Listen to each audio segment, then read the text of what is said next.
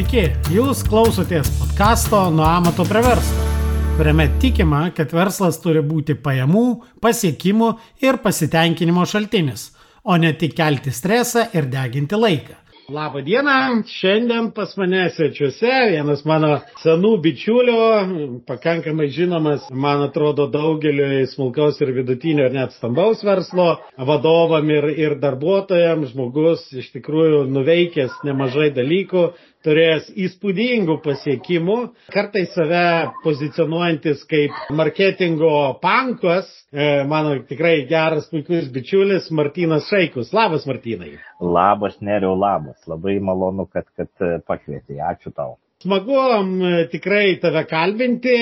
Žinau, kad tu prisijungęs dabar esi iš Mažvido bibliotekos, tai karts nuo karto matyt bus ponė vienokie ir kitokie garsai, bet aš manau, kad vis tiek šnekėsi pakankamai garsiai ir, ir mūsų klausytojų tai neblaškys Iš tikrųjų, Mažvido biblioteka labai puikus ženklas, kad mes gyvenam laisvoje šalyje. Žinai, nes iš tikrųjų čia žmonės kalba, čia žmonės dalinasi, skaito, nes jeigu būtumėm Šiaurės Korejai, turbūt tokio šurmulio bibliotekoje nesigirdėtų. Jo, ir, ir apskritai klausimas, ar galėtumėm daryti podcastus panašiai.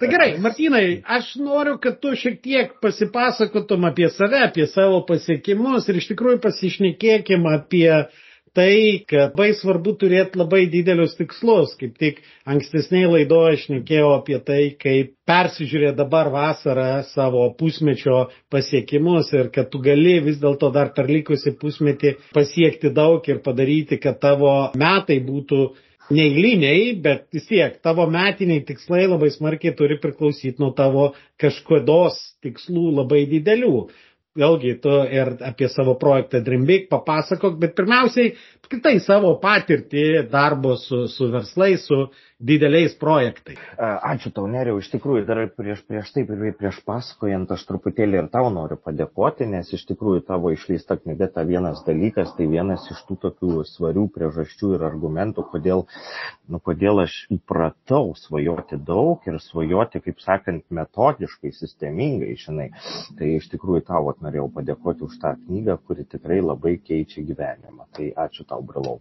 Tai va, o, o dabar truputėlį apie mane nu, gal aš taip pasakysiu, suprantat, man nepatinka man istorijos tos, kur nuo Adomo ir Jėvos laikų, kur ten ilgai, ilgai vinioji, bet šį kartą aš nutariau truputėlį pasidalinti savo paauglystės istoriją. Paauglystės istorija buvo taip, kad Aš, aiškiai, buvau 13-14 metų, nuvažiavau, reiškia, su tėvais prie jūros, ten prisimaudžiau, peršalau stipriai ir, žodžiu, pas mane pradėjo kažkokie atsirasti, nu, nu, blogi simptomai.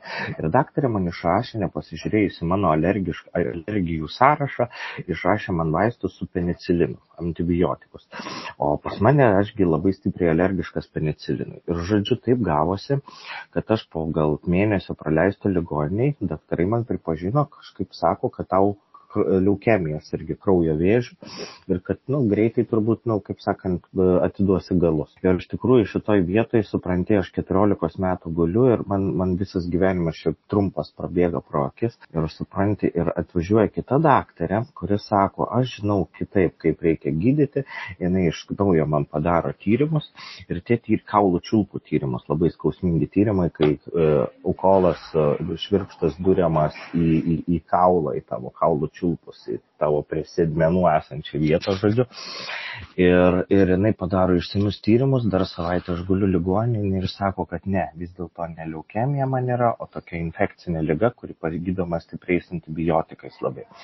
Ir va čia, va, aš tuo metu, kai jinai man, nu, kaip sakant, vėl išrašo, kad aš vis dėlto būsiu gyvas ir, ir gyvensiu, čia aš 14 metų aš viduje nusprendžiu, kad jeigu gyvenimas toks trumpas ir nenuspėjamas, aš darysiu dalykus, kurie man tikrai nuoširdžiai patinka ir ne, nevatsiduosiu tai vergoviai, kaip sakant, vergoviai, kuri man reiškia tas darbas nuo 9 iki 5 ir tas visas kažkoks sudėtinga schema, kuri man taip ne, nepatikdavo žiūrint į mano ten reiškės artimuosius.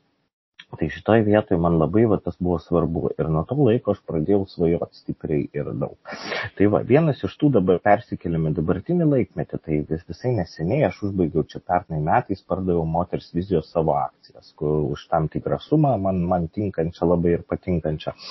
Bet moters vizija prieš šešis metus pradėtas projektas, kuris gimė mano galvoje dėl to, kad aš taip galvau, sudėjau keltą ingredientų. Aš dažnai stebiu tam tikras datas tokias šventiškas. Ir vad kovo 8 kaip tik buvo neseniai kovo 8 praėjusi prieš 6-7 metus. Ir aš žiūriu, per ją vyrai dovanoja moteriams tik tai Rafaelo ir tulpių puokštę suprantate, du dalykai, dvi idėjas, tik tai vyrai turi tik dvi idėjas - tulpės ir Rafaelo, žinai.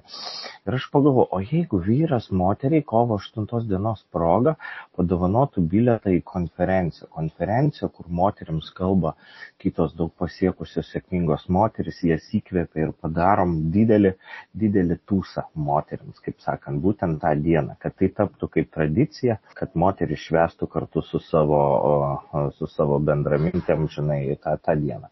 Nu ir ką tu galvoji? Tai tapo tokiu dideliu renginiu Lietuvoje, tai tapo didžiausia moteriams konferencija, kurios metu, reiškia, moteris ėmė dalintis viena su kitom tais, tais džiaugsmais, pirkti bilietus, perka bilietus tūkstančiais ir iš tikrųjų tapo tokiu sėkmingu verslu. Tai va, ir būtent tada to verslo reiškia tokioje kaip ir e, aukštumoje, kai į Lietuvą pasikvietėm e, Niką Vaičičių, tą vyruką be rankų, be kojų visiems žinoma. Aš va būtent ant tos minties, kaip sakant, ir pardaviau tas akcijas, kada jos buvo pačiame pike.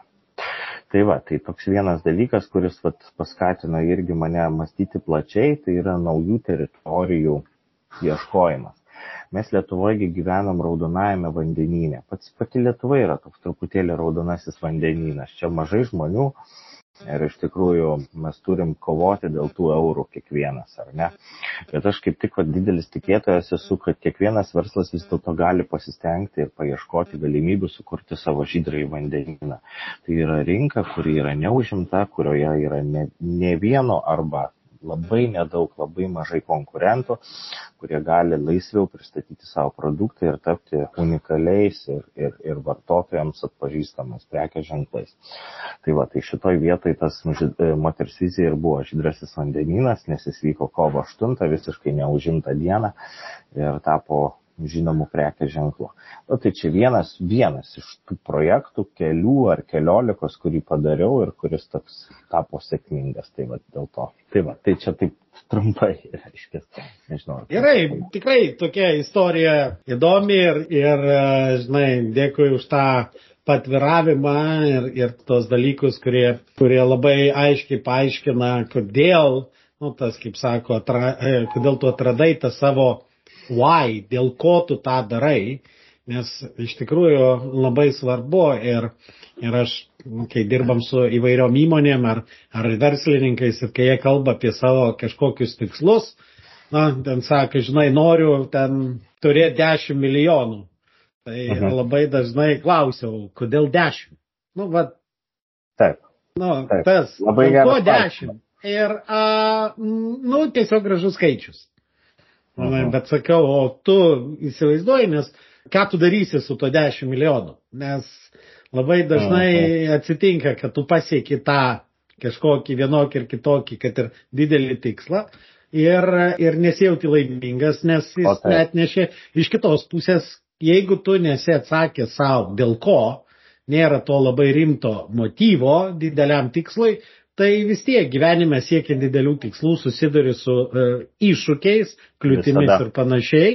Ir jeigu tu nesi atradęs to savo dėl ko darai to why, tai labai sunku save sumotivuoti ir, ir įveikti tuos tas kliūtis ir kartais ir pritrūksta tos kasdieninės motivacijos ir valios.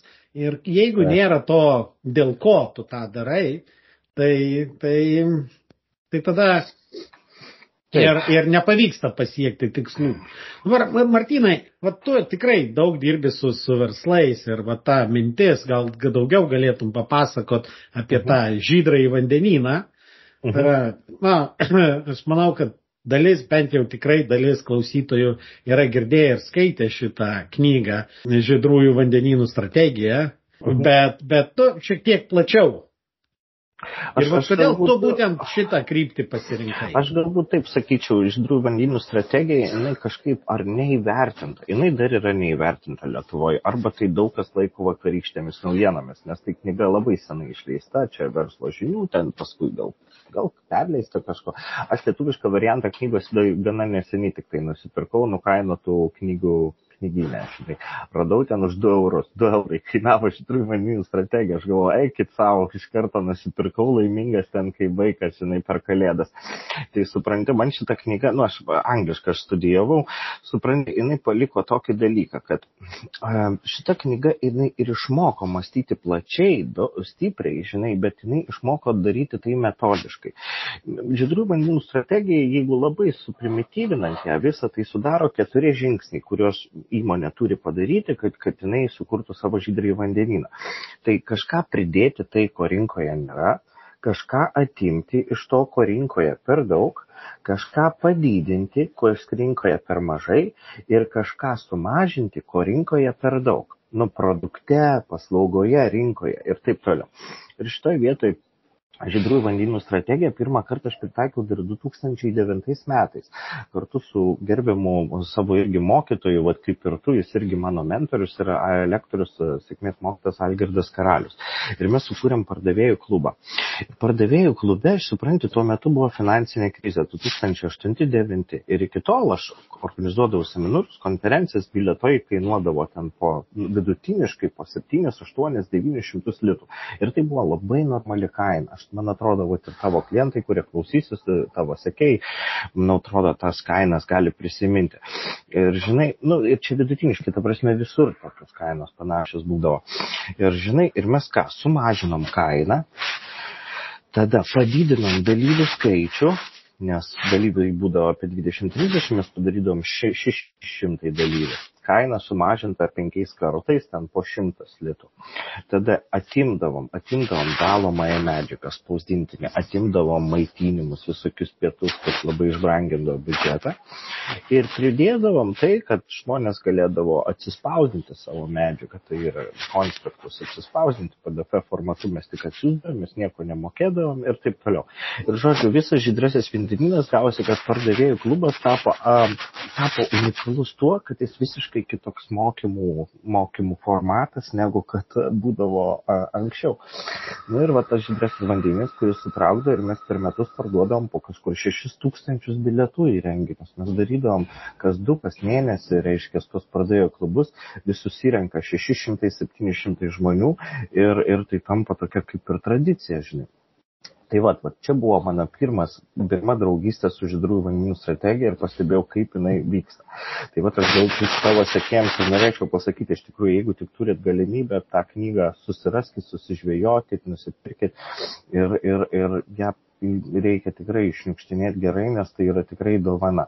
Ir dabar tas knygos visos jos yra tam tikras kartojimas. Daug kas net neminė kad tai žydrų žmonių strategija. Daug kas mini, kad čia yra lateralinis marketingas, kažkoks kūrybiškumo metodas.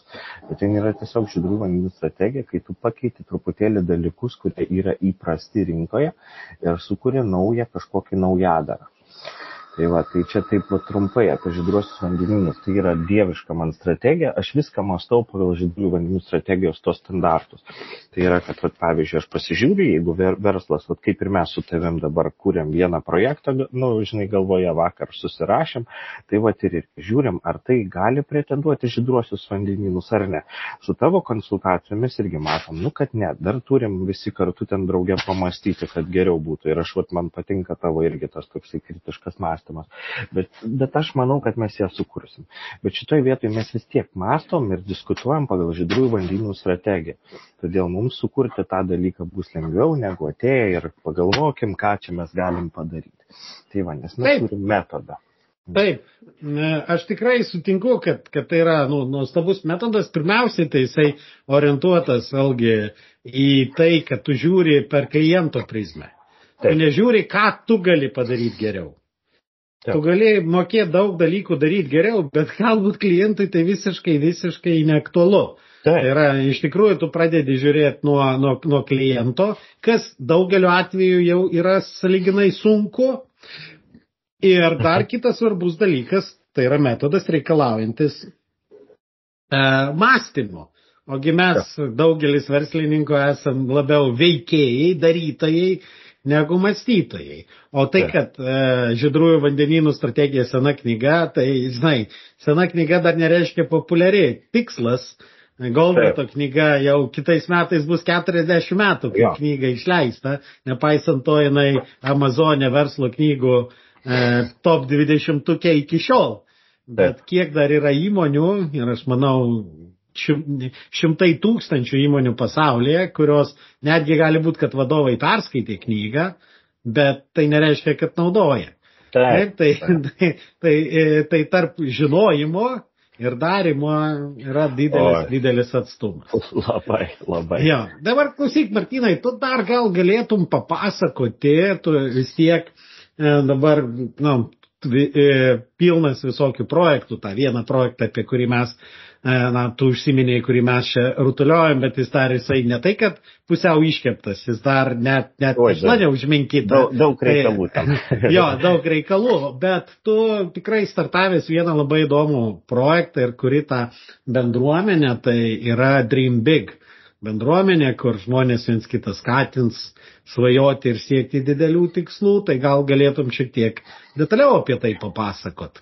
Taip, nu vis toks dar supranti, dar ten reikia labai daug rankų ir pastaruoju metu aš taip iški mažai, mažai to laiko ten tą paskyriau, bet aš įsivaizduoju apie tą bendruomenę taip, kad ten prisijungia žmonės, kurie va turi tą tokį didelį tikslą, tą didelį kažkokį vežantį tikslą, ne tai, kad ten pardavimus padvigubinti, mes ne apie tai, čia mažas labai tikslas. Va dešimt kart, šimtą kartų padidinti, va čia va mes galbūt to galėtumėm labiau siekti ir, ir daug didesnis sparnai užauga, kai tų didelių idėjų mes susikūrėm. Tai va, tai tos bendruomenės galbūt tikslas, kad sujungiam vat, įvairius ekspertus, kurie tikrai gerbiami, kurie pripažinti ekspertai, kaip tu, kaip keletas kitų lektorių, žinai, kurie tikrai turi ir savo didelę klientų auditoriją ir, ir, ir išmano dalykus, ir kurie padėtų verslams savo, savo mini konsultacijom, trumpais pranešimais, reiškia, kiekvieną dieną pasistumėti į priekį. Ir toj bendruomeniai labai svarbus bus palaikymas, kad įmonės nebijo, nu įmonės žmonės, žmonės, ką mes čia įmonėm, žinai, žmonės, nebijotų supranti savo, savo tų didelių idėjų, kurie galėtų pasakyti ir ieškoti partnerių ir kurie galėtų, žinai, e, žengti žingsnį. Labai svarbu, vat, man, ką aš norėjau dar labai pasakyti, dideliems tikslams reikia partnerių. Suprantat, darbuotojų reikalingų bus labai sunku surasti dideliems tikslams nes dideli darb, nu, didelių tikslų tie žmonės, jie nelabai mėtosi ir jie jau žino savo vertę ir panašiai. Bet pritraukti partnerius įgyvendinant projektus, kurie būtų dideli, ambicingi, šito reikia labiausiai. Kaip ir mes su tavim, du nepriklausomi partneriai, taip ir susijęm. Bet mes kaip darbuotojas turbūt su nu, vadovu nelabai čia mes surastumėm kalbos. Tai va šitoj vietoj man va tas va labai svarbu, kad įmonės įprastų partneriauti. Nes tik tada atsiras didelių idėjų turintis partneriai partneriai, kurie gali tave pakelti į naują lygį. Ir šitoje vietoje, va, aš dabar vieną dar irgi knygą analizuoju, kur labai svarbi būtent partnerystės galia. Yra penki gyvenimą keičiantys svertai. Tai yra kitų žmonių laikas, kitų žmonių pinigai, kitų žmonių idėjos, kitų žmonių darbas ir kitų žmonių dar kažkas pamiršau, žinok, KŽP, žodžiu, kitų žmonių pinigai ir taip toliau.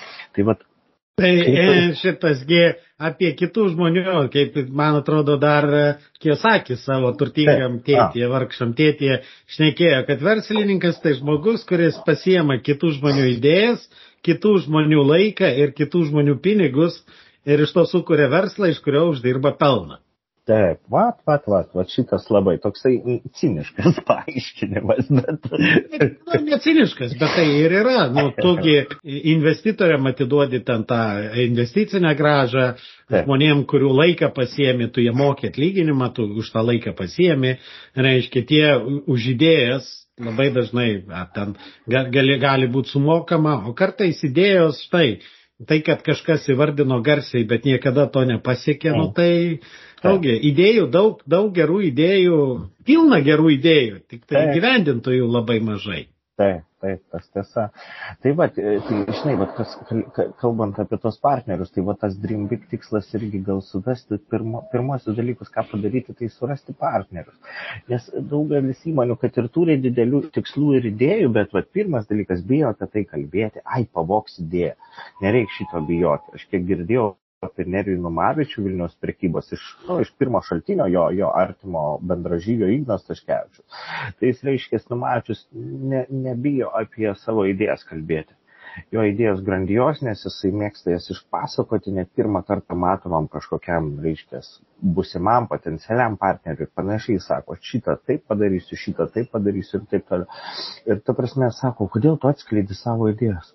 jokių problemų, sako, aš jų turiu tiek, kad nebijau, reiškia, o antras dalykas, nu, ne kiekvienam, ne kiekvieno, kaip sakant, subiniai tas idėjas ir gyvendinti.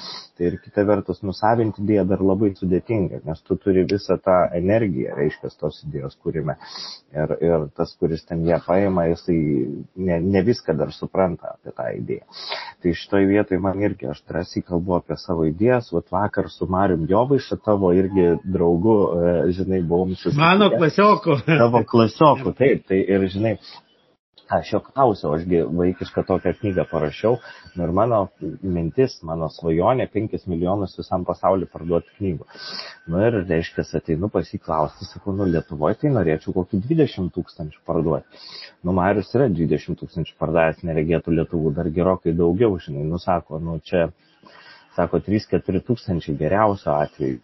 Nu, bet tada mes pakeitėm mintį ir klaus, sakiau, tu neregėtos Lietuvos, nu, pardavė knygą sukūręs poreikį joks lietuvis neturėjo poreikio neregėtos Lietuvos albumui, kad štai, nu man trūksta neregėtos Lietuvos albumo, jis sukūrė poreikį, o tai yra, nu dar genialiau, supranti. Tai sakau, nu tikslas man sukurti poreikį. Nu ir mes ten diskutavom apie tai, kaip pasiekti tikslus. Bet jam patiko, supranti, tai, kad vat, mano tų idėjų nemažumas.